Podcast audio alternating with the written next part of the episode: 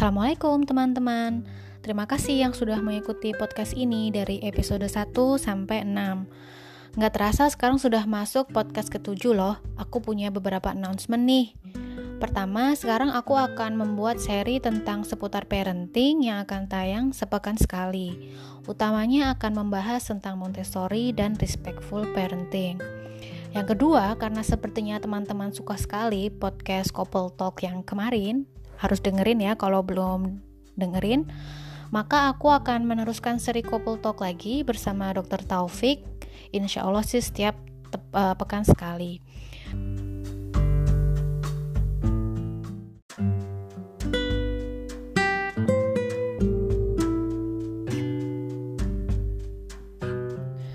Banyak teman-teman yang memberikan saran juga masukan untuk tema selanjutnya.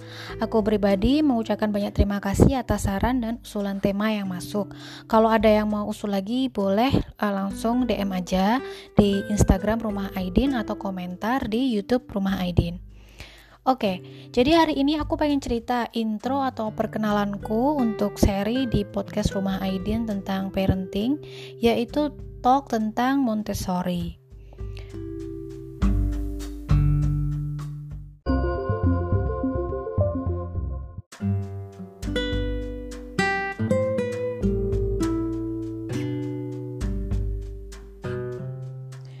Kembali ke tahun 2012 saat aku hamil anak pertama di perantauan, berasa banget kesendirian yang melanda. Waktu itu domisili aku ada di Taiwan dan komunitas di sana kebetulan banyak mahasiswa dan jarang yang punya anak seumuran. Pernah gak sih teman-teman ngerasa kayak lost atau gak ada arah gitu loh? Sebagai orang tua yang newbie, baru pertama, pertama kali merantau, pastinya merasa butuh mentor gitu gak sih? Apalagi dengan kondisi keluarga besar yang jauh, yang kita tuh gak bisa untuk nanya-nanya langsung atau melihat secara langsung gimana sih belajar parenting dari nol step by step. Pada tahun itu, aku udah mulai main Instagram kayak mama milenial lainnya. Di situlah aku menemukan banyak account luar negeri yang ngomongin soal perkembangan anak, mendidik bayi, main sama bayi, dan sebagainya. Kayaknya dari yang aku lihat, parenting is something really fun. Tempat mainnya ditata cantik, anaknya happy gitu kan ya. Kak nggak kayak bayangan aku sebelum nikah ngurus bayi cuma nenen, nangis, tidur gitu. Dan dari akun-akun tersebut ternyata mereka ngikutin satu metode yang belum pernah aku dengar sebelumnya, yaitu Montessori Education. Di lima tahun belakangan ini, Montessori kayaknya jadi mainstream cara parenting di jagat medsos deh. Namun di tahun 2012, seingatku belum begitu terkenal. Nah, apa sih Montessori itu? Montessori adalah pedagogical education yang dicetuskan oleh seorang dari Italia bernama Maria Montessori. Beliau adalah dokter wanita pertama di Italia yang memfokuskan dirinya pada pendidikan anak. Saat ini Montessori School di Indonesia menjadi salah satu yang paling cepat perkembangannya terutama di kalangan menengah ke atas. Dan sepertinya sekolah-sekolah Montessori ini sangat menjamur terutama di kota-kota besar. Nah, balik lagi ke cerita awal, gimana sih aku jadi tertarik gitu ya. Jadi ketika di kondisi Taiwan itu, aku kepengen menyekolahkan bayiku. Aku berpendapat bahwa uh, kayaknya kita perlu deh memberikan pendidikan ke bayi. Sayangnya di Taiwan itu sangat mahal, padahal kan waktu itu kami keluarga muda baru memulai karir di Taiwan. Jadinya uh, kami berpendapat kayaknya kita harus berhemat salah satunya tidak menyekolahkan uh, anak ke sekolah bayi. Tapi juga karena aku di rumah kenapa nggak aku didik aja sendiri gitu ya? Cuman referensinya dari mana gimana caranya gitu I really need help Nah, setelah melihat tentang Montessori, aku lihat uh, bayi-bayi yang happy, mainannya tertata rapi gitu kan. Anak-anak yang diperlihatkan sepertinya menyukai yang dilakukan. Terus juga dikasih stimulus-stimulus indera untuk memaksimalkan potensinya, itu aku jadi tertarik. Nah, setelah aku membaca, ternyata Maria Montessori ini menemukan metode pendidikan di tengah keterbatasan, yaitu di salah satu distrik termiskin di kota Roma, Italia. Jadi anak-anak yang dibilang bodoh dan dicap nggak bisa belajar itu diteliti oleh Maria Montessori gimana sih cara supaya mereka bisa belajar gitu kan. Nah, akhirnya Maria Montessori membuat peraga dari barang yang ada aja untuk uh, mendukung pelajaran anak-anak tersebut menyesuaikan dengan cara mereka belajar.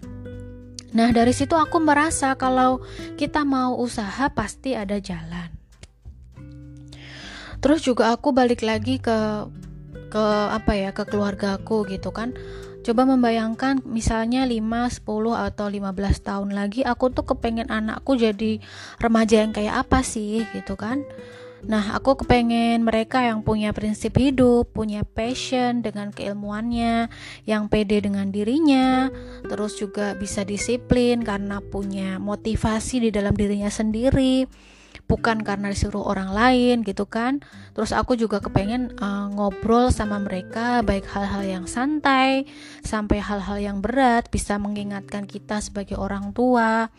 Terus juga kepengen anakku itu anak yang punya inisiatif gitu kan. Berbudi baik, punya tenggang rasa, terus juga saat mereka berkecimpung di dunia yang lebih luas dan beragam gitu kan, mereka bisa punya uh, segi penghargaan ya terhadap orang lain, tidak memandang ras, agama atau latar belakang gitu kan. Dan juga di masa depan aku pengen anakku itu punya self control, artinya uh, dia bisa memilih atau mempertimbangkan mana sih hal yang baik gitu yang harus aku lakukan apabila dihadapkan kepada hal-hal yang buruk. Di antaranya sih itu.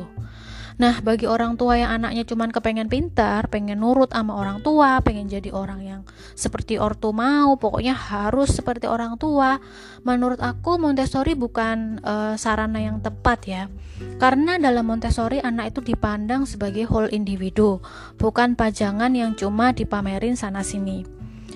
Montessori juga bukan mendidik anak jadi pintar. Kalau diselami lagi, tujuan pendidikan Montessori adalah mendidik anak menjadi manusia yang seutuhnya, yang bisa punya meaning atau arti di kehidupan yang luas saat mereka dewasa. Nah, di sinilah aha momenku sebagai ibu baru yang punya anak satu.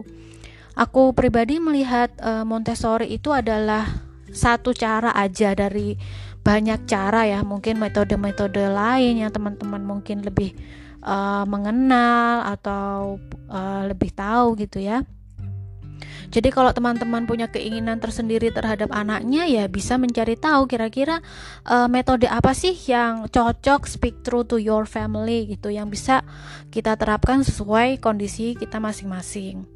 Nah, kenapa aku juga tertarik uh, kepada Montessori uh, ini itu karena dia bukan pseudoscience ya. Artinya ini metode yang ditemukan di era 80-an telah dibuktikan efektivitasnya dengan sains kekinian gitu seperti neuroscience.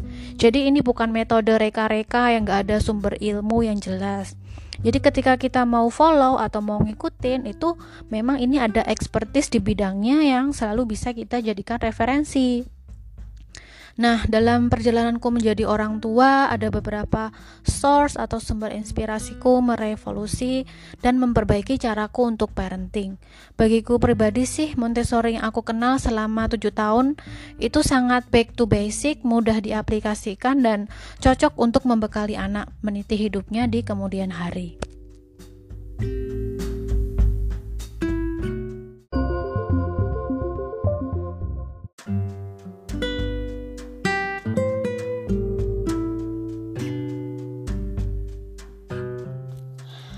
Nah, terima kasih teman-teman yang sudah menyimak uh, untuk podcast kali ini. Uh, di podcast selanjutnya aku akan uh, membahas beberapa tips menerapkan Montessori di rumah dan cara supaya uh, kita bisa memupuk rasa ingin tahu dan bisa membimbing anak itu meniti apa yang dia mau gitu ya. Dan juga mungkin aku akan membicarakan beberapa insight kekurangan dan kelebihan saat kita pribadi menerapkan Montessori tersebut di rumah. Semoga podcast kali ini bermanfaat. Aku senang sekali kalau ada teman-teman yang sama-sama belajar.